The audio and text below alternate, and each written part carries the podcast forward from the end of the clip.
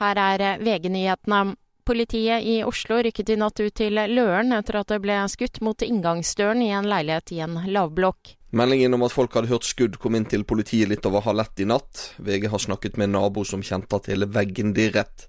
Ingen kom til skade som følge av skuddene. Åstedet er nå sperret av, og ingen er foreløpig pågrepet. Reporter Thomas Alsaker. Samholdet og viljen til å støtte Ukraina er fortsatt stor, det sier statsminister Jonas Gahr Støre til NTB etter et toppmøte om Ukraina i Paris i går. Rundt 20 europeiske ledere møttes i den franske hovedstaden for å diskutere krigen. Tre palestinere skal ha blitt drept i sammenstøt med israelske styrker på Vestbredden i natt. Det melder det palestinske nyhetsbyrået Wafa ifølge Reuters. Siden 7. oktober har 400 palestinere mistet livet på Vestbredden etter sammenstøt med israelske styrker.